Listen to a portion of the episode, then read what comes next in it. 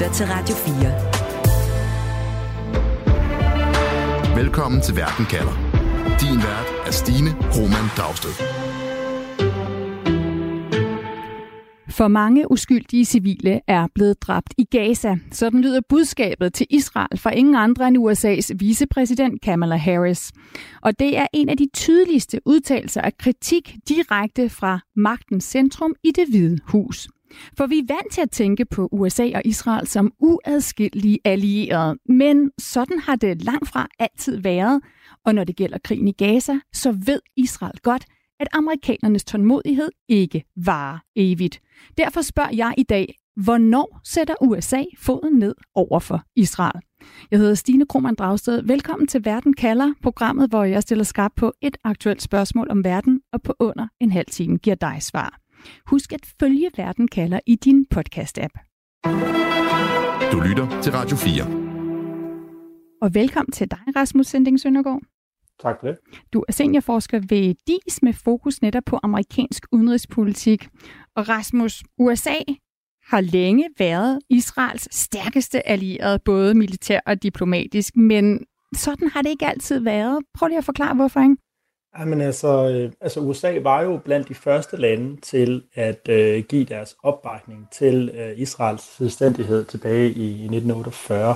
Men da man gjorde det, var det ikke øh, uden øh, intern debat, og der var en række bekymringer i den amerikanske administration, og det var der egentlig hele vejen op gennem 50'erne og 60'erne også, øh, altså hvor man var bekymret for koldkrigsbalancen øh, i den her konflikt, og man ønskede at have gode relationer til både nogle af de arabiske lande og til Israel, og man var ofte bekymret for, at hvis man stod sig for godt med Israel, eller gik for langt i opbakningen til Israel, at det så ville skade relationerne til nogle af de arabiske lande. Og så havde man selvfølgelig hele tiden bekymringen i baghovedet for, om Sovjet så kunne drage fordel af det. Øh, så der var hele tiden det der koldkrigsbalanceaspekt, som gjorde, at man langt hen ad vejen var, var tilbageholdende i, med støtten til Israel, i hvert fald op til 1970'erne, hvor der så sker et skifte. Ja, så der er en ambivalens, og hvad der sker siden af USA så øh, entydigt vælger Israels side?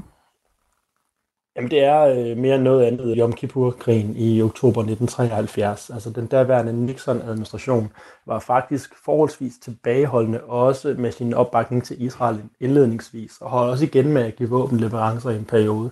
Men øh, da Israel så bliver angrebet øh, af Ægypten og andre øh, arabiske lande, går Sovjet ind og, og støtter de Ægypten og de arabiske lande øh, øh ret massivt, og USA føler sig derfor også presset til at gå og komme Israel til undsætning. Ikke mindst fordi, at det jo i starten af krigen ikke går særlig godt for Israel.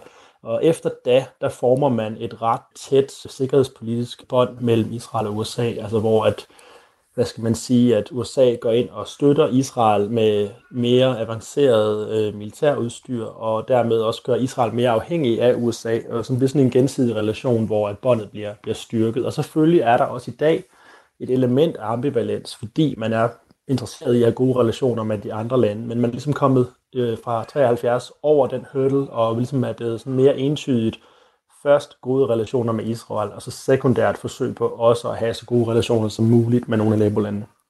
Lad mig også lige byde velkommen til dig, Jotam Confino. Tak skal du have.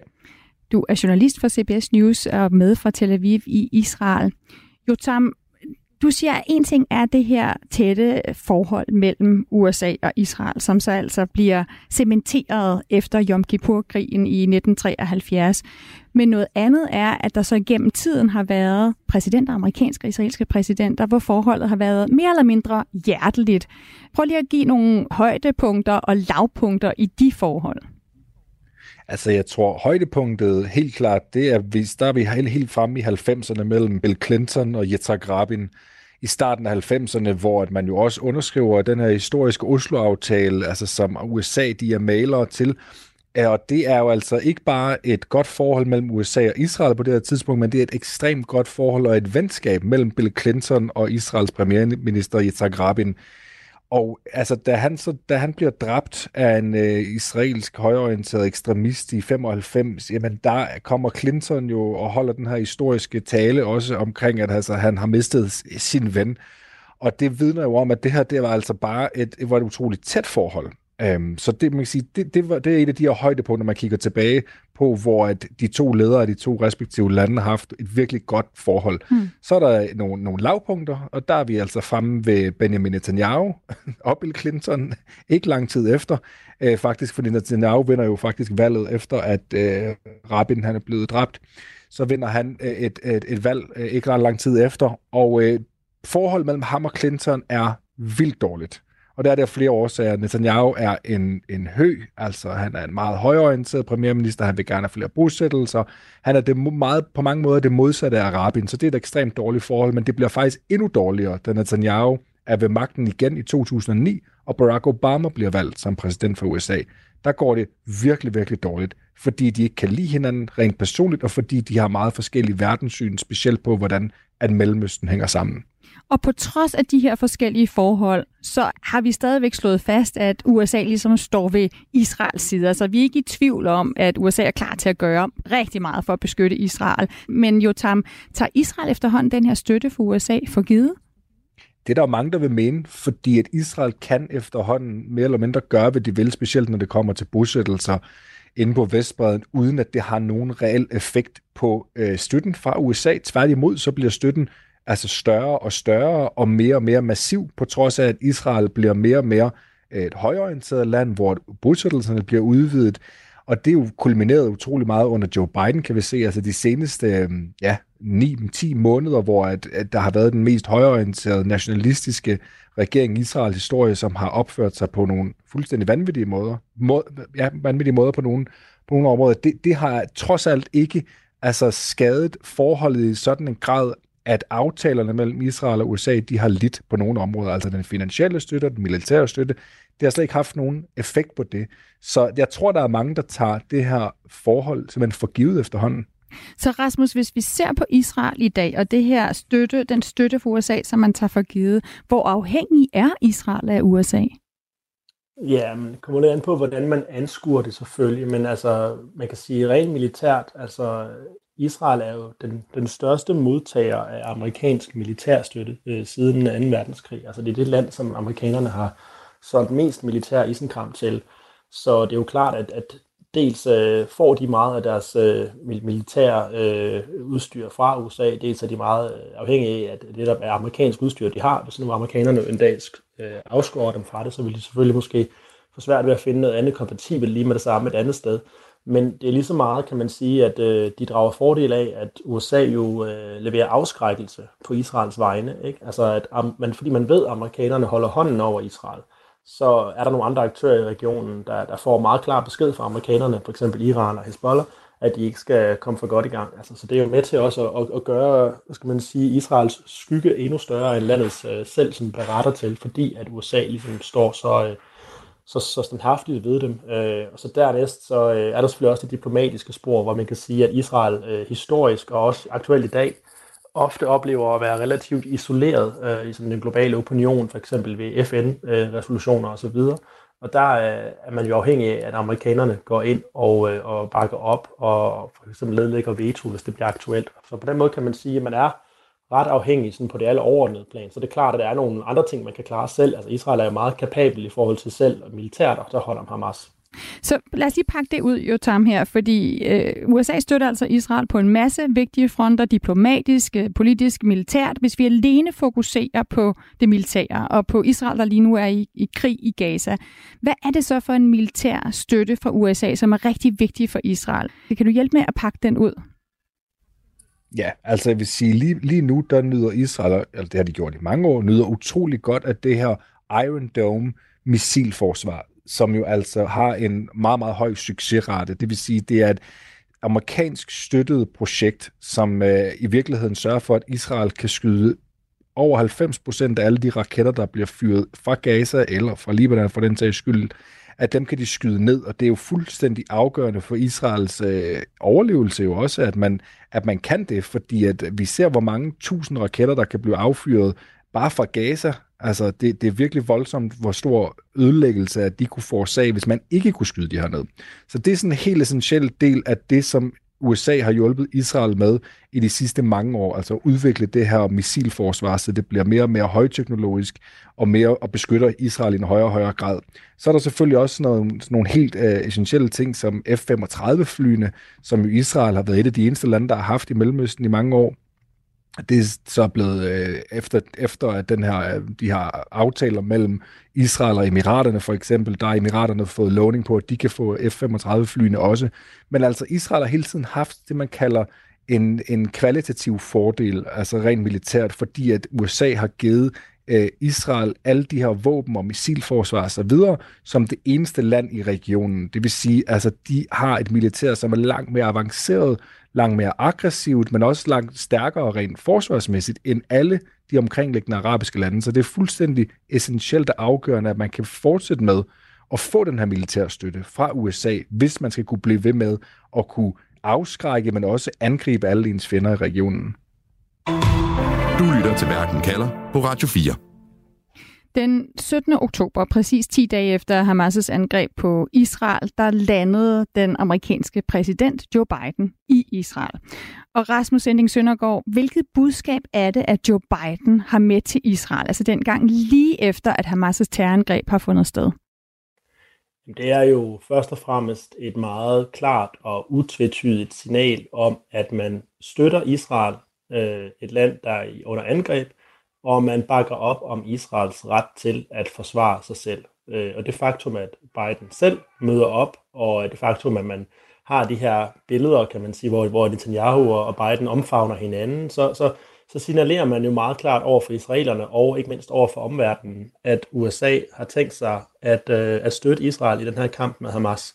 Øh, så der er det sådan set meget stor fokus på lige præcis det aspekt, og så er der mindre fokus på øh, hvad skal man sige, amerikanske inputs eller formaninger i forhold til, hvordan man skal føre krigen mod Hamas. Ja, og det har jo så ændret sig nu, for nu går krigen i Gaza snart ind i sin tredje måned, og i weekenden der lød det sådan her fra den amerikanske vicepræsident. Too many innocent Palestinians have been killed. Frankly, the scale of civilian suffering and the images and videos coming from Gaza are devastating. For mange uskyldige civile er blevet dræbt i Gaza, siger Kamala Harris altså her. Rasmus, det er andre toner, end vi hørte fra det hvide hus i begyndelsen af krigen. Hvad skal vi lægge i det, som Kamala Harris siger her? Ja, det er bestemt andre toner. Øh, det er det nyeste øh, skud på stammen, så at sige, af en gradvis udvikling over i retningen af, at man jo stadigvæk støtter Israels ret til at forsvare sig selv. Det skal man ikke glemme. Altså, det er jo både i ord og handling men at man nu i højere grad betoner alt det, der kommer efter den sætning. Og det vil sige, at man problematiserer øh, de humanitære, øh, den humanitære situation i Gaza, øh, og man, som man har gjort tidligere også, men nu endnu kraftigere sprogbrug, går ud og er offentligt kritisk omkring Israels øh, fremfærd der i Gaza. Øh, og det er jo selvfølgelig for at sende signaler til Israel, og selvfølgelig har man masser af samtaler bag lukkede døre også, men nu er man altså også ude i offentligheden øh, øh, og være ret øh, kritisk omkring, øh, hvad der foregår i Gaza. Ja, og vicepræsidenten er jo ikke den eneste. Altså, vi har udenrigsminister Anthony Blinken, der har sat en række krav, som Israel skal opfylde for, at USA vil fortsætte støtten øh, til krigen i Gaza, nu hvor den rykker sydpå, siger han. Lad os lige vende tilbage til de krav om lidt. Vi hører også om utilfredshed med USA's israelsvenlige linje blandt topfolk, der arbejder i det hvide hus. Så Rasmus, hvor tydeligt er det, at der er nogle gevaldige uenigheder om Bidens linje, både i hans parti og i det hvide hus? Jamen, det har været ret tydeligt længe, og er blevet endnu mere tydeligt efterhånden, som ugerne er skrevet frem. Altså, øh, ret tidligt i forløbet oplevede vi, at en, øh, en erfaren diplomat i Udenrigsministeriet sagde op i protest mod USA's fortsatte militære støtte til Israel under øh, angrebene i Gaza. Altså, at man fortsat støttede Israel efter, at den øh, øh, krig var begyndt i Gaza. Og siden har vi jo set øh, blandt andet det, man kalder et, øh, et descent-kabel, altså sådan et, et internt sådan slags øh, whistleblower-dokument, kan man sige, i Udenrigsministeriet og også, også i andre øh, dele af det amerikanske øh, øh, byråkrati, hvor øh, især yngre medarbejdere har udtrykt frustration over, at man er så i deres opfattelse ukritisk øh, opbakkende omkring Israel. Og der har været pres øh, internt i systemet for, at man skal presse på for en våbenhvile, og at man også skal stille Israel i udsigt, at øh, man ikke vil fortsætte ukritisk med at støtte dem milita- eller give militær støtte øh, hvis det fortsætter. Altså, så der har været det her opgør, eller er det her opgør internt, øh, som jo afspejler et, øh, et opgør, der også finder sted generelt i det amerikanske samfund, hvor vi jo ser, at øh, især blandt demokraterne og især blandt yngre amerikanere, at der, der er en stigende sympati for øh, befolkningen øh, i Gaza og for palæstinenserne, og en voksende kritik af USA's øh, forholdsvis uforbeholdende støtte til Israel. Og den ser vi altså også spille sig ud internt i den amerikanske administration, og, og vi ved også, at altså Biden har jo, undskyld, øh, Blinken har jo øh, adresseret, at man har hørt kritikken, når man har taget den til efterretning. Så det er ligesom, man anerkender, at der er den her øh, skal man sige, uro på indre linjer. Ja, og så er spørgsmålet jo nu, der har været en pause, hvor, hvor amerikanerne ligesom har, har leveret den her kritik, og så er vi jo spændte på at se, hvor meget det vil blive taget til efterretning nu, hvor landoperationen fortsætter, og israelerne rykker sydpå i Gaza. Men Jotam Confino, hvor nøje følger den israelske regering og militæret med i udviklingen i den her amerikanske holdning? Altså, hvor bekymrede er de? Jeg tror, de er bekymrede. Det, det er der ikke nogen tvivl om, men det er klart, hvad man hører offentligt fra for eksempel premierminister Netanyahu, og hvad så man rent faktisk taler om bag lukkede døre, det er jo to vidt forskellige ting. Netanyahu, han står jo uh, uge efter uge og siger at, siger, at det er ligegyldigt, hvor stor presset bliver internationalt. Israel vil stadigvæk fortsætte med at bombardere i Gaza og få fjernet Hamas fra magten. Men hvis man kigger på, hvordan Israel har ændret adfærd de seneste to måneder, så er det jo tydeligt, at man har bukket under for nogle amerikanske krav. For eksempel det her med at tillade mere nødhjælp kommer ind. Man er også gået med til at, at virkelig gå ind i den her våbenhvile på, på nogle præmisser, som USA også har, har været med til at påvirke. Så selvfølgelig lytter man, og øh, det vil jo være et meget scenarie for, for Israel, hvis at USA lige pludselig trækker sin støtte. Øh, det er klart, der er forskellige måder, man kan trække sin støtte på, men, men det er vigtigt, at man har verdens supermagt til at stå bag ved sig, og ikke bare øh, støtte militært og finansielt, men man også får den moralske støtte, som Biden har blevet ved med at give. Så hvis det begynder at ændre sig, vil vi kan se en lille smule nu. Altså det, det er virkelig uh, dårligt nyt uh, for Israel, fordi det er så kritiseret fra utrolig mange andre lande i verden. Rasmus Sending Søndergaard, om mindre end et år, der er jo valg i USA, altså hvor Joe Biden håber på at blive genvalgt som, som præsident. Hvor svær en balancegang er det, han prøver at gå lige nu? Jamen det er en øh, overordentlig vanskelig balancegang, fordi at man kan sige, sådan helt grundlæggende, sådan overordnet set, så har han i sit eget parti øh, to nogenlunde lige store øh, lejre. Øh, nogen, som ønsker en mere øh, Israel-kritisk, mere palæstinensisk øh, venlig øh, linje, øh, blandt andet øh, våbenhvile og måske endda også øh, stop for militær støtte til Israel. Og på den anden side har han så dem, som er den mere traditionelle øh, opfattelse af, at man bør bakke Israel op. Og han står lidt mellem to stole med hans egen folk, der hvor han på en eller anden måde skal, skal fagne begge. Men nok så vigtigt, så øh, har han jo også øh, republikanerne på den anden side. Og et hvert skridt fra Joe Bidens side i retningen af en, skal man sige, mere pro-palæstinensisk linje, vil jo blive udlagt som om, at han er øh, både det ene og det andet. Ikke? Så, så mm. han har det svært, fordi at han risikerer at enten miste opbakningen fra nogle af de mere unge, progressive vælgere i hans egen koalition, hvis ikke han øh, åbner op over for palæstinensiske hensyn. Og på den anden side, hvis han gør bare det en lille smule, så gør han sig selv sårbar for hård kritik fra, fra Trump og republikanerne. Øh, så det, det er en vanskelig situation, og vi skal huske på, at præsidentvalget jo bliver afgjort med en ret lille maven i svingstater formentlig, og derfor så er der øh, bekymring, øh, ikke kun for folk, der måske kunne stemme på modparten, men lige så meget for, at der måske er øh, demokratiske vælgere, som øh, bare vil blive hjemme, hvis ikke de synes, at øh, Biden gør det ordentligt over for, for Israel-problematikken. Vi har set nogle tiltag her hen over weekenden også for øh, muslimske amerikanere, som har været ude og, og, og lave kampagne mod at og, og give op over for Biden og ikke stemme på vi ved, at øh, amerikanske valg ofte kan blive afgjort af, hvor godt øh, de forskellige partier formår at mobilisere deres vælgere, og der bliver det her altså vigtigt. Og så siger du jo, Tom, det kan være et meget scenarie for israelerne, hvis der kommer flere forbehold for USA. Så lad os lige kigge på, hvad det egentlig er for nogle krav, helt konkret USA stiller nu, og om der er nogen rød linje i de her krav. Radio 4. Ikke så forudsigeligt. For vi har USA's vicepræsident Kamala Harris, og vi har USA's udenrigsminister Anthony Blinken, der er ude med nogle ret kritiske udtalelser om krigen i Gaza og de mange palæstinensiske ofre. Rasmus, hvis USA ønsker at gå videre fra de her kritiske røster, hvad kunne næste skridt så være? Altså, du nævnte den militære støtte. Jeg tror ikke, vi er der endnu, hvor at øh, man skal forvente, at der for eksempel bliver skåret i den militære støtte. Altså vi skal huske på, at det Biden gjorde oven på, på terrorangrebet den 7. oktober, var jo, at han gik ind og bad kongressen om yderligere militær støtte til Israel oven i det, som man allerede får. Øh, så spørgsmålet om den yderligere støtte bliver vedtaget, det ved vi ikke endnu. Det kan selvfølgelig være et slags skridt, at man ikke går den vej. Men jeg tror, det vi skal se mod, det er øh, på det retoriske plan, øh, om man går skridtet videre fra at være mere kritisk over for Israels fremfærd i Gaza, til decideret at bakke op om en våbenhvile. Altså det er jo det, som mange af de indrigspolitiske kræfter i USA øh, øh, anmoder om, at man skal gøre.